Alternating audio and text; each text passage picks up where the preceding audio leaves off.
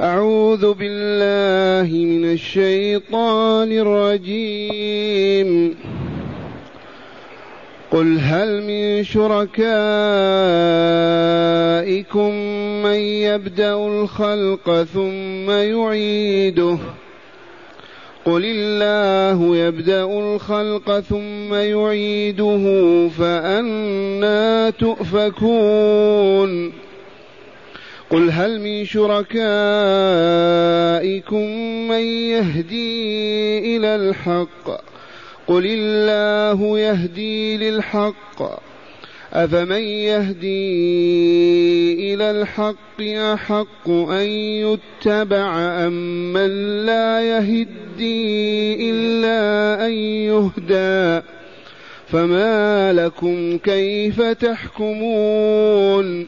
وما يتبع أكثرهم إلا ظنّا إن الظن لا يغني من الحق شيئا إن الله عليم بما يفعلون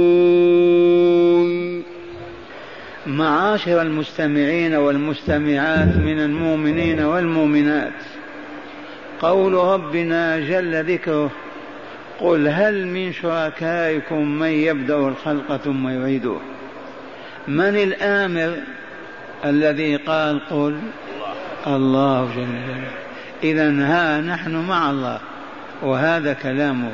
من المأمور بأن يقول؟ رسول الله صلى الله عليه وسلم.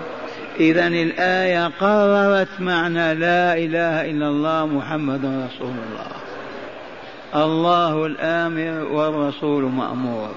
يأمره تعالى ويقول له أيها الرسول قل هل من شركائكم أيها المشركون الذين يشركون مع الله غيره في عباداته أو يعبدون غير الله عبادة مستقلة ليست من عبادة الله. إذ الكل مشرك. قل لهم هل من شركائكم الذين تعبدونهم مع الله بدون إذن الله ولا السماح لكم بذلك؟ هل من شركائكم من يبدأ الخلق ثم يعيده؟ لا يخلقون ذبابا فكيف يبدأون خلق الكون؟ وإذا انعدم كيف يعيدونه؟ وهم مخلوقون مربوبون حجج قرآنية عجب. لا يستطيع المشرك أن يرفع رأسه. قل لهم يا رسولنا هل من شركائكم الذين تعبدونهم سواء كانوا من الملائكة أو من الأنبياء والرسل أو من عباد الله الصالحين أو كانوا مما صنعتم ونحتم بأيديكم من الأصنام والتماثيل أو ما اتخذتم من أشجار وانتسبتم إليها وتعبدونها. كل هؤلاء هل فيهم من يبدأ الخلق؟ لا أحد. ولا خلق ذبابة فضلا عن الخلق كله والكون كله. ثم بعد إبادته وإفنائه يعيده. من يقوى على أن يعيد؟ لم يبق إلا أن يقول ليس عندنا أبدا. من يبدأ الخلق ثم يعيده؟ إذا ما هو؟ الله هو الذي يبدأ الخلق ثم يعيده. ما دام قد بدأه ويميته فالإعادة أولى وأحرى وأسهل وأخف. هذا هو التوحيد. وهنا ينبغي أن نبين للسامعين والسامعات أن المشركين كانوا بشركهم يفعلون ماذا؟ يذبحون متقربين إلى أصنامهم فالذين يذبحون منا إلى الأولياء يتقربون بالذبح إليهم أشركوا وهم في ذلك مشركون المشركون كانوا يعبدون آلهتهم بماذا؟ بالحلف بها واللات قل والعزى إذا فالذين يحلفون بالأولياء والصالحين كالذين يحلفون باللات والعزى أشركوا في عبادة ربهم والرسول المسؤول عن البيان على منبره يقول ألا اسمعوا انتبهوا إن الله ورسوله ينهيانكم أن تحلفوا بآبائكم ومن كان حالفا فليحلف بالله أو ليصمت. ويقول من حلف بغير الله فقد أشرك. إي والله أشرك. ما معنى أشرك؟ الحلف تعظيم للمحلوف به وإلا لا؟ فإذا حلفت برأسك أو برأس أمك أو بالطعام الذي أكلته جعلت ذلك المخلوق بمنزلة الرب في العظمة. هذا هو الشرك. أشركت في عظمة الله غيره. وسويت الغير به كان المشركون ينذرون لآلهتهم إن أنجبت امرأتي ولد أذبح شاء إن عاد ولدي من سفري أعمل كذا. فالذين ينذرون اليوم وقبل اليوم للأولياء هم مشركون بهذا. كم وكم ما تقول ما يا سيدي فلان إذا غلبت زوجي في المحكمة أفعل كذا وكذا. الشرك الخلط الحق حق الله وحده وتشرك معه غيره فتعطيه منه شيئا.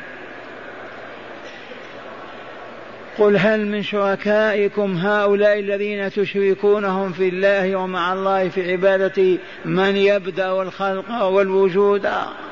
الجواب لا. ولا بعوضة ولا قملة ولا نملة من الذي يبدأ الخلق ليس إلا الله وحده لا شريك له. ثم يعيده من يقوى على إعادة الموتى. هل هناك ممن يعبدون يقدر على أن يخلق مخلوقا؟ ثم يميته ثم يحييه. الجواب لا أحد. إذا بطلت عبادة غير الله فلنتبرأ من كلمة الشرك ونقول لا إله إلا الله. ثم قال له قل الله يبدأ الخلق ثم يعيده. هذا الجواب. لما عجزوا ما استطاعوا أن يقولوا قال واسبقهم أنت للجواب. إذ ما في جواب إلا هذا. الله يبدأ الخلق ثم يعيده. اسألهم فإنهم لا يجيبون. وإن أرادوا أن يجيبوا لا جواب إلا هذا. اسبقهم إليه وقل الله يبدأ الخلق ثم يعيده ففيه تقرير مبدأ الحياة الثانية. والعودة إلى الحياة من جديد لتلقي الجزاء على الكسب في الدنيا خيرا كان أو شرا. إذ علة هذه الحياة أن نعمل لنجزى هناك. ثم قال تعالى فأنا تؤفكون. كيف تصرفون عن الحق بعد الوقوف عليه؟ حقا. الذي يسمع هذا البيان الإلهي كيف يصر على الشرك؟ بأي حق بأي وجه بأي منطق بأي ذوق. فأنا كيف تصرفون عن الحق إلى الباطل عن الصواب إلى الخطأ؟ وهذا هو تقرير مبدأ لا إله إلا الله. لا معبود بحق إلا الله. فلا يستحق أن يعبد مع الله سواه. لا ملك مقرب ولا نبي مرسل ولا عبد صالح ولا شيء أبدا. إذ الخالق هو المستحق للعبادة. والذي ما خلقني ولا رزقني ولا كلأني في حياتي ولا حفظ علي حياتي بأي حق أعبده؟ ولو بالحلف به وتعظيمه. فضل أن نصرخ باسمه ونناديه أن وافعل لي كذا وكذا. الله الله كانت هذه الأمة قبل أربعين خمسين سنة في ورطة لا تسأل. أكثرهم يشركون. قل علماءهم متورطون إلا من رحم الله. الذبائح والنذور والحفلات والمواليد وكلها للصالحين جعلوهم مثل الله عز وجل أو أجل.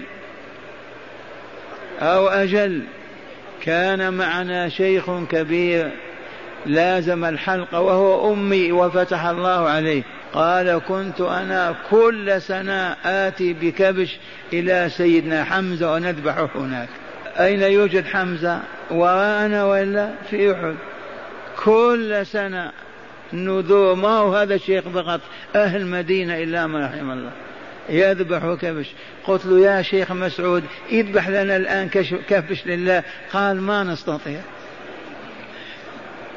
وهو فقير. أما كان لغير الله كان يجمع المال ويطلب و ولما كان لله قال ما عندي قدرة ما نستطيع. ثم قال تعالى لرسوله صلى الله عليه وسلم قل يا رسولنا لهم هل من شركائكم من يهدي إلى الحق؟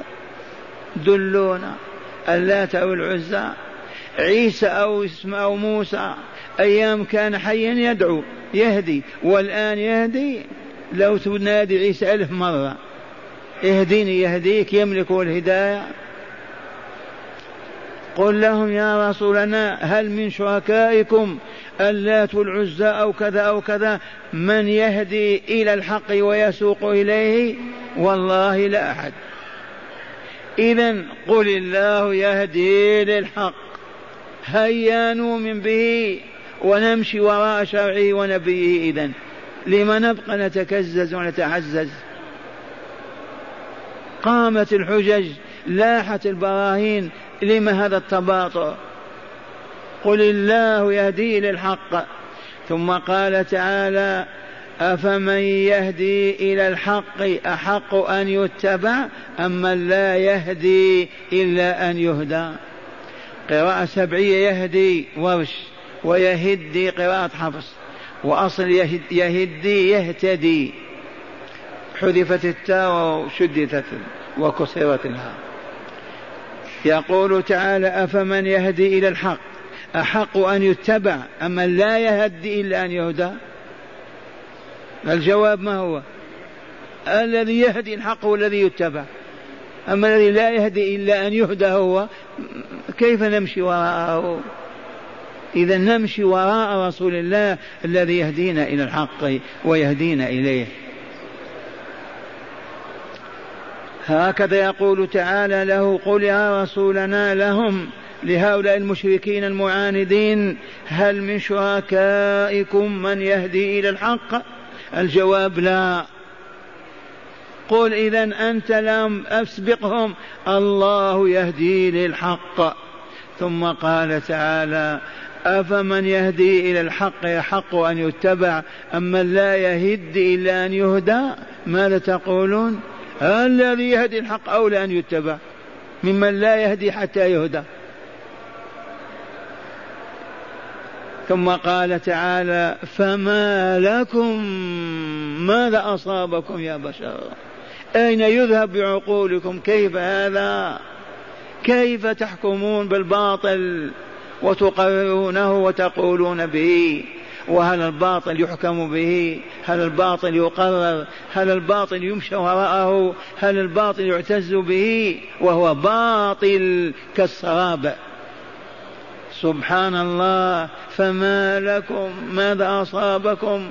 أين يذهب بعقولكم؟ كيف تحكمون هذه الاحكام الباطلة؟ تنسبون الالهيه لمخلوقات؟ تتقربون إليها وتتركون الله خالقكم. تعظمون وتحلفون بها وتنذرون وتذبحون وتتركون خالقها وخالقكم. وأنتم بذلك تغيظون الله وتغضبونه وتسقطونه عليكم. أين عقولكم؟ ثم قال تعالى وما يتبع أكثرهم ما يتبعون إلا ظنا ما هناك من عنده علم يقيني أن عبادة الله تنفعه أو تدفع عنه مكروه. والله ما عندهم. والذين يعبدون عيسى الآن ومريم والبتول و هل عندهم علم بأنهم يستحقون أن يعبدوه؟ والله ما عندهم. إلا ظنون وأوهام فقط. ما هي إلا ظنون. والرسول يقول إياكم والظن فإن الظن أكذب الحديث والعياذ بالله تعالى. هكذا يقول تعالى مخبرا بالواقع ما هم عليه وما يتبع أكثرهم إلا ظنا إن الظن لا يغني من الحق شيئا. أو يغني شيئا من الحق؟ إن الظن لا يغني من الحق شيئا. ثم قال تعالى الطابع الأخير إن الله عليم بما يفعلون وسيجزيهم بفعلهم. إذا فليتهيأوا للشقاء والعذاب الأبدي في دار الفناء في دار الآخرة دار البقاء. هل فعلت هذه الآيات أثرا في نفوس المشركين؟ إي والله كم وكم وكم وكم من اهتدى وآمن. فالمجموعة الذين ماتوا على الكفر لا يتجاوزون المئة وآمن الناس كلهم. بمعنى أن هذا البيان الإلهي له أثره في النفوس. اهتدى عليه كبار المشركين وطغاتهم. والآن إليكم الآيات من الكتاب لتزدادوا معرفة إن شاء الله. معنى الآيات ما زال السياق سياق الكلام في حجاج المشركين وجدالهم. أين المشركون في مكة؟ والرسول كان في مكة. والآيات نزلت أين؟ في مكة لأن الصورة مكية. ما زال السياق في حجاج المشركين لماذا؟ لبيان الحق لهم ودعوتهم إلى اتباعه الحجاج لماذا هذا؟ لبيان الحق ولدعوتهم إليه ليكملوا ويسعدوا بعد أن يصفوا ويطيبوا ويطهروا لأن الله مولاهم أرحم بهم من أنفسهم.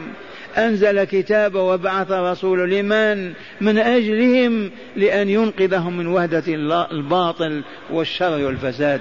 فيقول تعالى لرسوله صلى الله عليه وسلم قل لهؤلاء المشركين قل هل من شركائكم من يبدأ الخلق ثم يعيده؟ أي هل يوجد من بين آلهتكم التي تعبدونها من يبدأ خلق إنسان من العدم ثم يميته ثم يعيده؟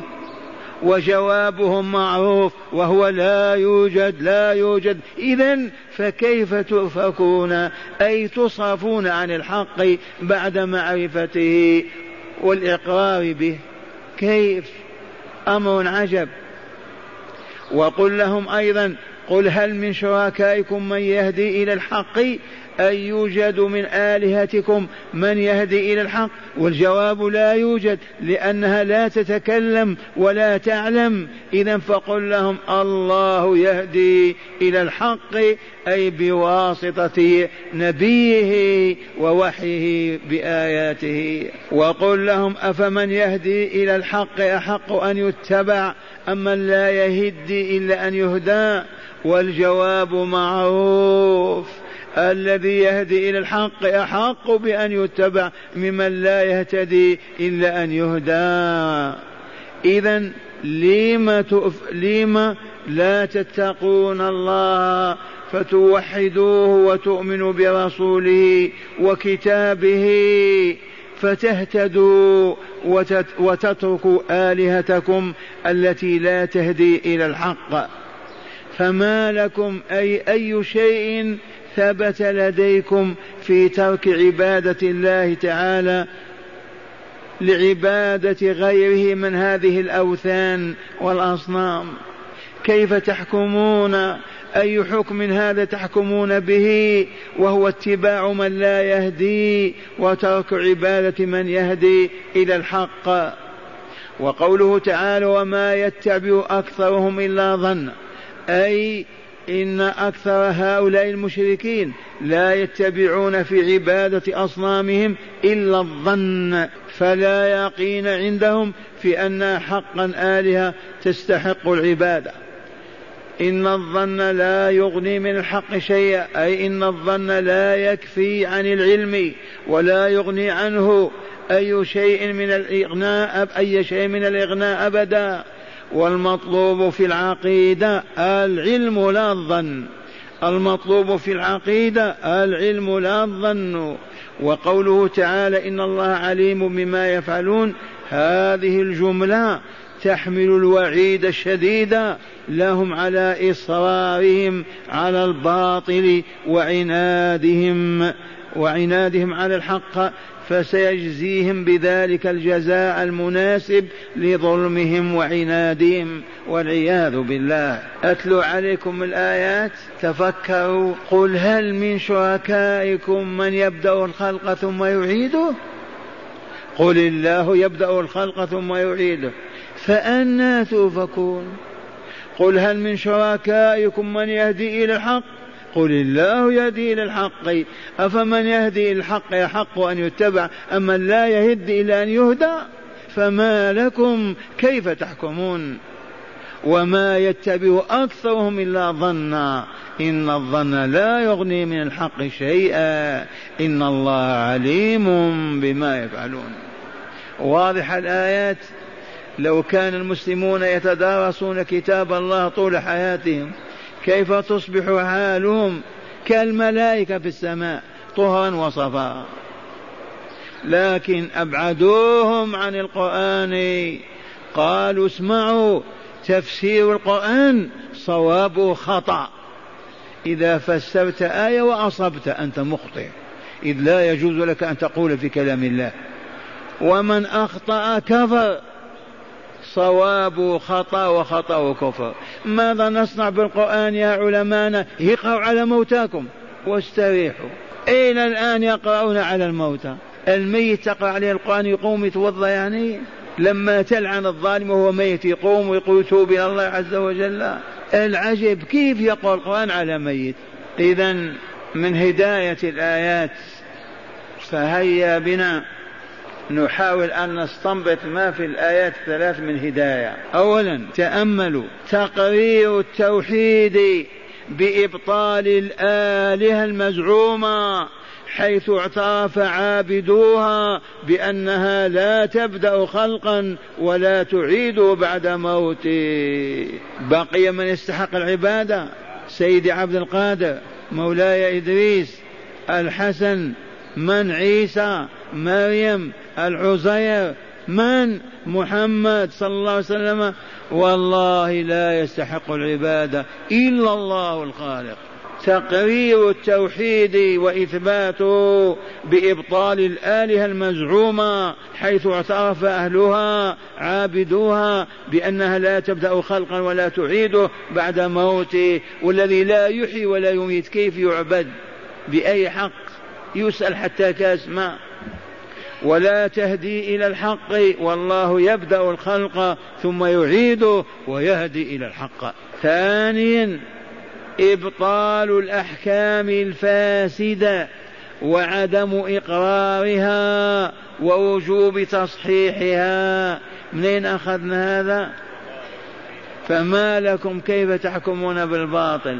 إذا إبطال الأحكام الفاسدة كلها تلغى. وعدم إقرارها أبدا ووجوب تصحيحها. ويدخل في هذا كل القضايا التي يحكم بها المحاكم الإسلامية من أندونيسيا إلى الدار البيضاء. إذا لم تكن قال الله قال رسوله أحكام باطلة لا يقرون عليها.